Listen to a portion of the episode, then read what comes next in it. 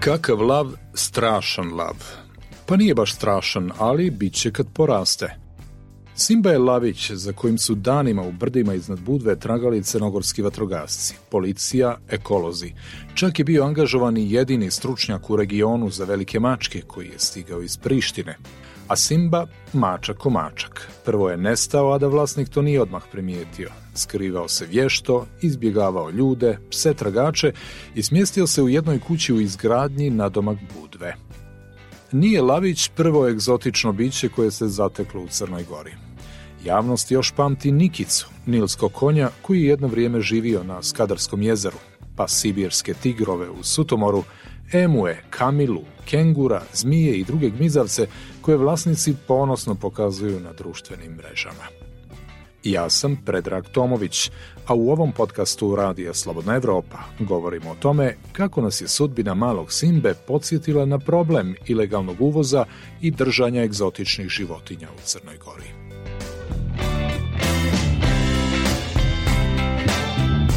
Tri dana je trajala potraga za mladunčetom lava. Pronašli su ga 10. februara. Akciju zbrinjavanja lavića Simbe uživo je na svom profilu na društvenim mrežama ispratio ekološki aktivista Aleksandar Dragićević.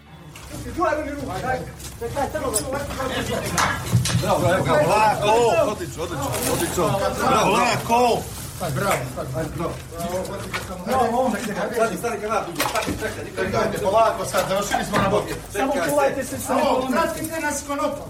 Bravo. Evo nas, Slušaj, ali ne zatežite da ne, ne, Ajde. Dobro, dobro, na cijeli tak, puštite ga nek jede. Puštite Nema njemu družo bez dva kila. Ajmo polako, ajmo, ne da više. Amo novinari napolje. Znači u hvatanju lava učestvovalo je šest ljudi, e, ekipa dvoje iz Centra zaštitu i pročavanje ptica, e, dvoje iz e, agencije, policajac i jedan gospodin lovac, tako da je na kraju sve ispalo najbolje moguće po lava i cijela se ova saga najbolje završila. Mi u ovom trenutku čekamo transport lava, to je veterinare, a onda i transport lava u Podgoricu gdje mu je obezbijeđen privremeni smještaj, a onda će se Agencija za zaštitu životne sredine postarati da se a, lavu pronađe neko trajnije rešenje u vidu nekog prihvatilišta za velike mačke. Ja ću pokušati samo na trenutak jedan izuzetno tiho da uđem i da ne snimim.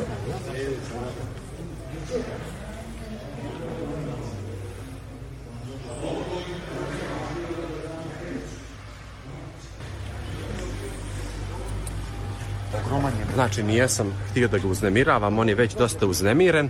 O, vidite da on nimalo nije mala ovaj mačka, dosta je veliki. Opet kažem, nalazi se u koliko toliko dobrom stanju. A, iscrpljen je, gladan je, dosta je smršao, ali, znači, vjerujte mi, kada se čuje njegov, kada se čuje njegova rika, nemate razliku da li je to mladunče lava ili odrasli lav.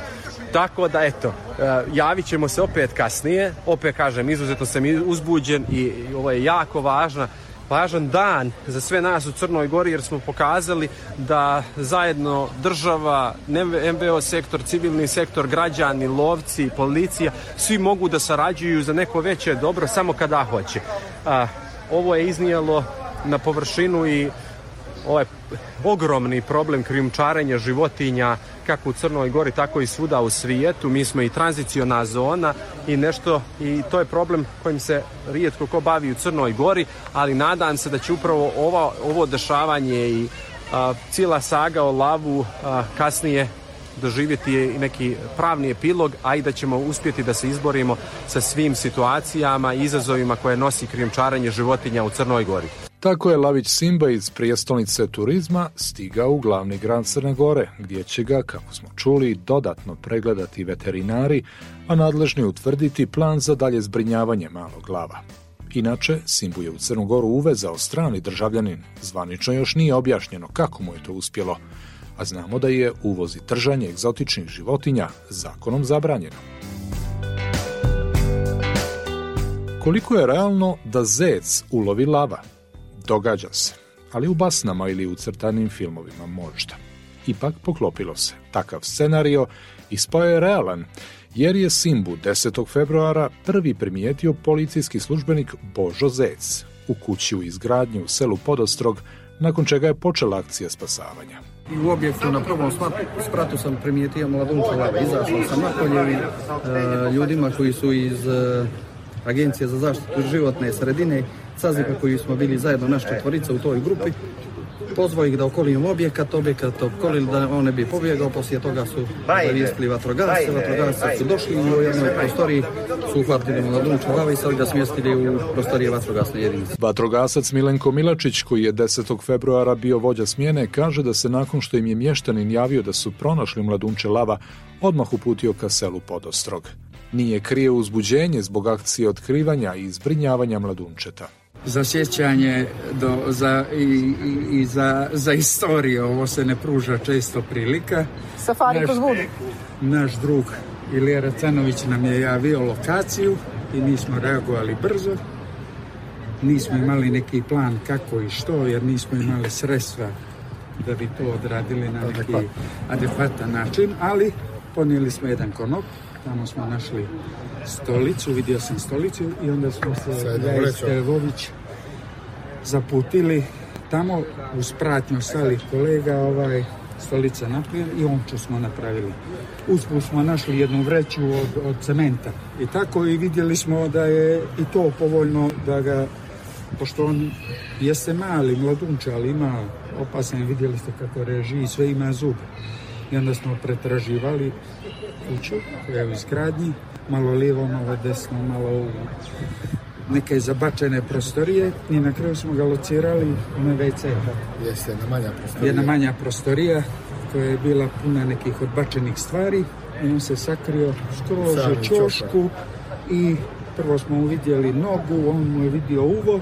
I kad smo prišli, naravno obazrivo prvo, vidjeli smo da je imao onaj, onaj pozu za skok šičuren i ono, i onda smo tu malo se povukli e, osvijetlili ga. On je bio pored mene sa vrećom, a ja sam stolicom i konopom. I onda smo tri put sam uspjevao nabaciti omču, ali sva tri put kako uvati zubima i smakne. Šta da radim? I onda ali ovaj mi četvrti... smo od njega i onda smo uspjeli da to povedemo kraj.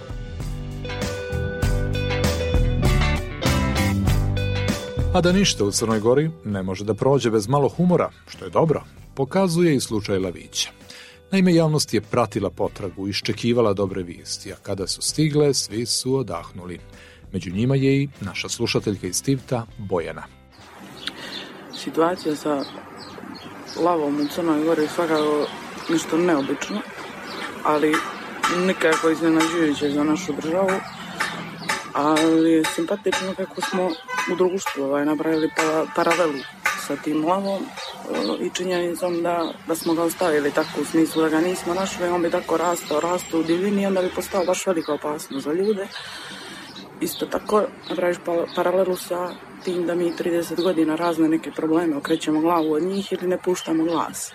Ovaj, kad su ti problemi u pitanju i ti problemi su danas mnogo veliki i mnogo su veće opasnost za nas nego što bi možda bili da smo na vrijeme odreagovali kao društvo, kao što se odreagovalo u ovom slučaju, pa su se ljudi skupili, postavili zamke, ovamo namo i pronašli ga.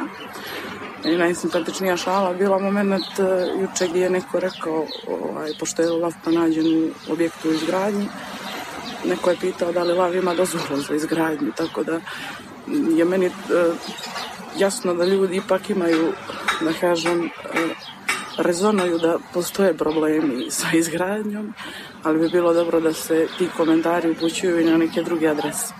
Simpatično kako smo mi jedna država i ljudi koji se smiju svojim mukama, a kad treba da se rješavaju muke, tu smo već malo teži, da kažem. Tako zbori Bojana. A moj dobri mladen Cetinja predlaže da se u cijelu priču o Laviću Simbi sada uključi diplomatija.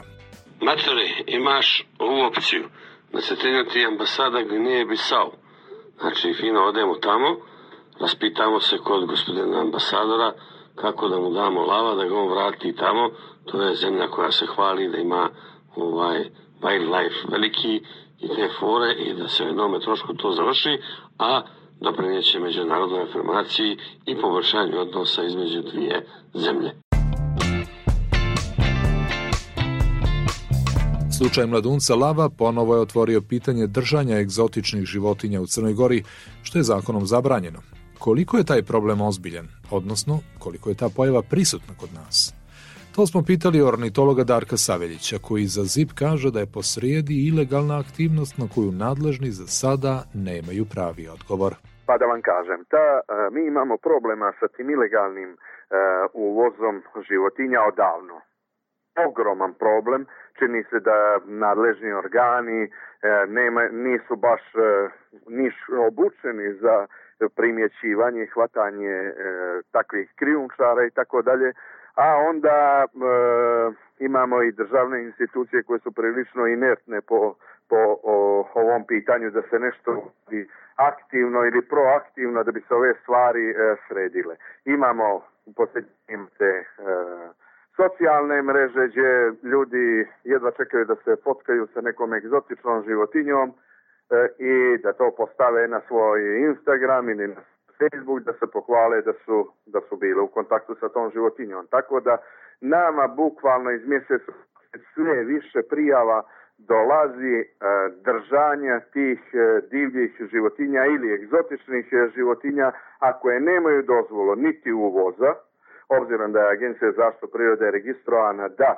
daje dozvole za uvoz, za izvoz životinje i daje dozvole za, za držanje. Mi nemamo, mi nemamo našim evidencijama mnogo životinja koje se e, u ovom nalaze kod e, vlasnika životinja i u, u potpuno kao potpuno ilegalne, e, ilegalne, znači uvezene ilegalno i drže se ilegalno. Imate dva, dva, dva kršenja kršenje zakona. Ono što je jako veliki problem ovdje, e, koji se stvara državi, je da kad vi dođete u, e, kad ste u saznanju da neko ima tu životinju, vi morate da mu je zaplijenite. Ali pošto Crna Gora nema oformljeno državno prihvatilište za, e, za zbrinjavanje životinja, obzirom da tu morate da imate zaposlenog veterinara, tehničara, e, osoblje niže granka, ono, da, da hrani, čisti i tako dalje. E, mi nemamo takvo prihvatilište, nemaju ga ni mnoge zemlje u regionu i mi se onda, e, mi se onda nađemo u velikom problemu kako zbrinuti te životinje, jer morate da ih oduzmete od krijumčara, jer je on već u tužilaštvu i tako dalje, a morate i neće da izbrinete. Tako da imamo problem ilegalnog unosa, a onda kad to otkrijemo imamo problem i zbrinjavanje životinja. Kada e, govorimo, kada govorimo o tome e, kako te životinje dospijevaju u Crnogoru, da li se po vama radi o organizovanom kriminalu u smislu da postoje ljudi koji za sigurno nemali novac ilegalno uvoze i prodaju takve životinje? Vidite, 100%. Iz mog iskustva e, više od 20 godina se time bavim. Mi imamo ljude koji su potpuno povratnici u ovim stvarima. Znači, može nekako da se progleda kroz prste nekom Marku Janku koji je nekako uhvatio neko malo lišće sa ulice pa ne zna što da radi pa ga podigne u kućnog ljubimca, razumijete, pa ne zna da po zakonu je obavezan da se javi agenciji i tako dalje, da bi dobio dozvolu za držanje, dopuštanje u prirodu ili nešto tako. Ali mi imamo e, nekoliko ljudi koji su povratnici u ovom kriminalu. Ovo je zavisno od godine na trećem do petom mjestu ilegalnih, e, ilegalnih trgovina, odnosno ilegalnih prelazaka granica je u stvari e, šverc e, divljih, odnosno egzotičnih životinja. Mi smo u januaru ove godine imali problem ilegalnog prenosa jedne egzotične ptice i dvije afričke ostrigaste kornjače koje imaju po 50 kila kao kao polovina od one pilates lopte, evo, slikovito da se, da se, da se izrazim. Znači, isti taj čovjek u kojega sumnjamo da je to uradio, e, prije pola godine e, smo mu odbili dozvolu za registraciju nekih, nekih životinja za koje nema potvrdu o porijeklu. Ne možete vi u Crnoj Gori držati neke vrste koje su u izumiranju u nekim zemljama, a ovdje ih držite u kavezu kao, kao egzotične vrste. Držanje egzotičnih životinja je nezakonito, nehumano i nanosi ogromnu štetu samoj jedinki, kaže nam biolog Bogić Kligorović. Pa držanje životinja, egzotičnih životinja u Crnoj Gori je prisutno. Što se tiče velikih krupnih sisara u manjoj mjeri, međutim kod sitnih životinja, gmizevaca, vodozemaca je nešto intenzivnije. Tako da se sporadično dešava da se otkriju slučajevi i kod ovih krupnih životinja kao što je ovaj slučaj lava koji je na sreću, mladunčete lava koji je na sreću uhvaćen upravo prije par sati, tako da će biti zbrinut u skladu sa procedurom i pravilima koja su predviđene za to. Da li mi kao, kao sistem imamo uh, neophodne i mehanizme i prostor i uslove da zbrinemo uh, jednu ovakvu životinju kada, kada se dogode ovakve stvari? Prosto da li imamo te kapacitete i mislim i prostorne i, i ono što priroda te vrste zahtjeva, a i kadar naravno da, da se pobrine za tu životinju?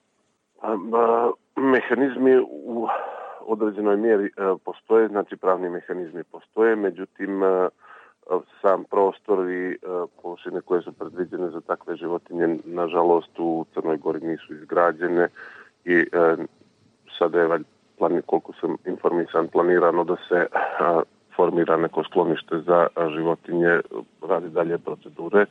E sad da li će se životinja i na koji način zbrinuti to je već stvar bilateralnih dogovora sa nekim skloništima ili u budućnosti sa državama koje imaju mogućnost da to urade i koje imaju sklonište za životinje. Da li je po vama držanje e, egzotičnih životinja u uslovima koji ne odgovaraju njihovom prirodnom staništu definitivno na neki način je i zločin prema tim bićima? Pa samo držanje životinja u zarobljeništvu predstavlja da kažem jedan ostatak iz prošlosti. Nekada je imao i neki edukativni karakter sa upoznavanjem tih životinja, međutim u savremenom svijetu gdje je prosto sve dostupno i sve blizu i imamo na neki način virtualni pristup svim tim životinjama, a imamo i druge mogućnosti da nekada priuštimo sebi da pođemo da vidimo te životinje. Smatram da to nije neophodno. Takođe te životinje su samim zatočenistvom ugrožene, odvojene od prirode, ukoliko se dalje nastavi njihov, recimo, uzgoj u domaćinstvima, odnosno uzgoj od strane čoveka, one i na neki način gube svoje sposobnosti, donekle se pripitomljavaju i naviknu se na čoveka, jedan veliki broj tih vrsta je i opasan za čovjeka i za druge životinje, tako da a, kasnije mogu da izazovu i a, probleme da povrijede ili na kraju ubiju nekoga. Također je veliki problem vezan za egzotične životinje. Recimo je primjer crveno uhje kornjače koja se uzgajala u terarijumima, ona kada je mala, ona je nekoliko centimetara veličine, međutim poraste do 30 centimetara i ljudi koji su je držali je puste u prirodu. Ona se adaptira i na taj način ugrožava naše autohtone kornjače i ugrožava druge vrste koje žive u tim staništima. Takav primjer nije jedini ili kod nas postoji to, u drugim zemljama ima i veći broj primjera za to unošenje i posle razvoj tih vrsta u invazivne Mi smo u prošlosti imali slučajeve da su jeli, egzotične životinje završavale u Crnoj Gori, sjetimo se Nilskog konja na Skadarskom jezeru, pa sibirskih tigrova u Sutomoru, velikih gmizevaca, zmija, guštera, čiji vlasnici ih ponosno pokazuju jeli, na društvenim mrežama. Kako je po vama moguće da transport tih životinja, od kojih su neki, kako ste rekli, velike i opasne, prođe granicu neopaženom? Kako se to prosto događa? Pa smatram da se vjerovatno događa uz neke dozvole. Nemoguće je prenijeti takve životinje, ali e, da li je sistem u tom periodu kada e, se to događalo e, zakazao i da li su te životinje uz neke dozvole ponijete, da li su one uzgajane u, što vjerovatno jesu u nekim zoološkim vrtovima ili uzgajalištima i samo prenijete u Crnu Goru, to je najvjerovatnije tako. Sad recimo imamo priliku da vidimo poskoke koji žive na Adi Bojani koji su crvene boje i imaju tu karakteristiku da su, da kažem, egzotični za ljudi u zapadnoj Europi. Nekoliko tih jedinki je već se pojavljuje na internetu gdje se one razmnožavaju u zarobljeništvu i već to postaje na neki način posao tih koji se bave tom teroristikom da pojavljuju se životinje koje su već na, poskoci koji su već na prodaji. A kada govorimo o načinu kako egzotične vrste dospijevaju u Crnu Goru, kojim putevima, postavlja se pitanje kako je moguće da transport tih životinja, od kojih su neke i velike i opasne, prođe granicu neopaženo. Ornitolog Darko Saveljić. Vidite, ja stvarno ne znam, ali ono što znam da neki kengur za kojega smo saznali prije mjesec dana da živi, prije mjesec dva dana da živi u Crnoj Gori, ovaj lavić za kojega smo saznali da je od prije mjesec dana u Crnoj Gori, oni ne padaju s neba, oni moraju nekako da uđu u Crnu Goru. Da li je to preko graničnih prelaza pa carina ne obrati pažnju, ili je to i, preko ilegalnih nekih prelaza, ja stvarno e, to ne znam. Mi imamo slučaj da čovjek drži u blizini Podgorice dva mua koja je prošvercovao iz, iz Srbije 2017. godine. Emu je ptica koja ima e, skoro dva metra, metar i po, dva, zavisi kad ispruži vrat ili ne. Eto, pa sad, pa sad vidite taj propust. Imali smo prije dvije, tri godine zapljenu velikog pitona na, na Dobrakovu. Jednostavno čovjek je u kolima, u gepeku kola prenosio pitona.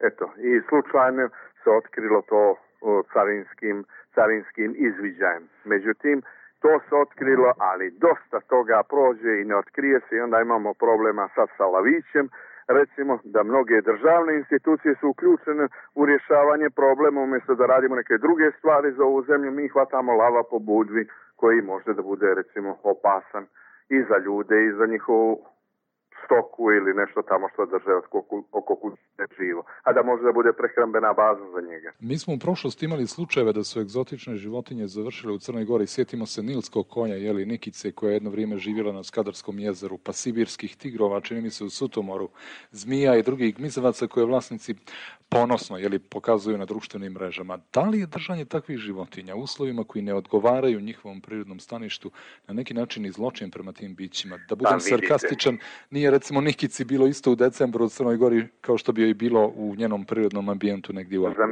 Zamislite sad Nikicu koja je afrička životinja, koja je u Nilu, nilski konj, e, gdje je temperatura vazda e, top, ono, e, veća, znatno veća nego u Plavničkoj rijeci koja smrzava pojedinih, po pojedinih godina u, u Crnoj Gori. Sad vidite te patnje koje, koje je to ta životinja izložena. Sad vidite kako bih vam rekao, i sve te životinje koje se uvezu u Crnu Goru, tako ilegalno, one su osuđene na život u kavezu ili život u nekom zoološkom vrtu ili nekom prihvatilištu gdje im nađemo smještaj, ako, ako uspijemo da im nađemo, zbog toga što su se one zbližili sa ljudima i one ne mogu da podivljaju. Razumijete? I divljoj vrsti je mjesto u prirodi. Zamislite sad tog jednog lavića, njemu, njemu nije svijetla budućnost. Zašto? Lav je e, životinje prostranstava. 10, 20, 100 km lijevo, desno tokom dana, on će da pretrči, prođe e, na svojoj teritoriji e, tokom jednoga dana.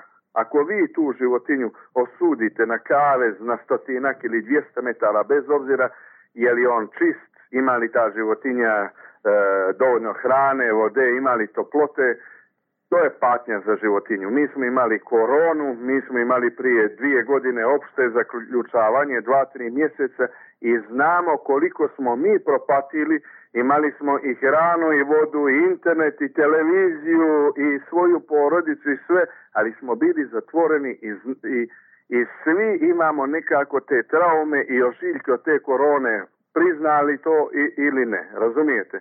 E sad zamislite tu divlju životinju, pticu prostranstava, kakav je, kakav je sivi sokol koji može preko 300 km na čas da leti, da ga vi zatvorite u, u, u nekom kaveščiću koji ima 2-3 metra, to, to, to je grijeh. I ta životinja pati, možete da je date bilo kakve uslove, ona mora da pati jer je to životinja prostranstva, a ne kaveza. I to svako ko se kani da ilegalno veze ili legalno veze mora da zna da, da je to patnja za životinju. I dok Crna Gora s vremena na vrijeme postaje dom neke egzotične vrste, divljim životinjama u Crnoj Gori ili onima kojima smo tranzitna destinacija na migratornoj ruti nije lako. Naime, žrtve krivolovaca su medvjedi, srne, divokoze i druga divljač, o čemu svjedoče brojni primjeri unazad nekoliko godina. Ali čini se da najviše stradaju ptice. Naime, iz Centra za zaštitu i proučavanje ptica su prošle godine saopštili podatak prema kojem u Crnoj Gori godišnje strada 200.000 ptica. To je podatak iz izvještaja međunarodne organizacije Bird Life International iz 2018. godine, u kome se navodi da se svake godine u Crnoj Gori ubije od 64.000 do 197.000 zaštićenih jedinki ptica. Moja baba je govorila da su ptice sveta bića, zato što kada se vinu u nebesa, najbliža su Bogu od svih stvorenja na zemlji. Nije baba uspjela da mi usadi vjeru u nebesa i u Boga, barem ne na način kako se to danas praktikuje, ali da su ptice biće koja treba da čuvamo, to jeste. I hvala joj na tome. No oni, kojima ništa nije sveto, pa pucaju na ptice, čini se ne moraju mnogo da strahuju da će zbog toga trpjeti posljedice. Naime, analiza Centra za zaštitu i proučavanje ptica govori da se u periodu od 2013. do 2018. godine pred tužilaštvima Crne Gore postupalo po ukupno 127 prijava za krivična dijela, od čega 66 za ubijanje i mučenje životinja i razaranje njihovog staništa, dok je 61 prijava bila za krivolov. Od ukupnog broja odbačene su 84 prijave. Pravosnažno je za ubijanje i mučenje životinja i razaranje njihovog staništa osuđeno 12 osoba, a za krivolov 28. Kada su u pitanju osuđujuće presude, najviše su izricane uslovne osude, kazne rada u javnom interesu, novčane kazne, a samo jedna osoba osuđena je na kaznu zatvora u trajanju od 30 dana zbog krivičnog dijela nezakonit lov. Toliko u ovom izdanju zaviri ispod površine podcasta. Ja sam Predrag Tomović, a u prethodnih pola sata govorili smo o tome kako nas je priča sa srećnim krajem za nestalog glavića Simbu podsjetila na problem ilegalnog uvoza i držanja egzotičnih životinja u Crnoj Gori. Ostanite i dalje sa nama. Sve prethodne epizode Zipa pronađite na našem sajtu ili na Spotify, iTunesu i Google podcastima. Naše druge sadržaje također možete pronaći na slobodnaevropa.org, na društvenim mrežama Facebook, Twitter, Instagram i YouTube. Sa vama smo premijerno svakog ponedjeljka. Do slušanja.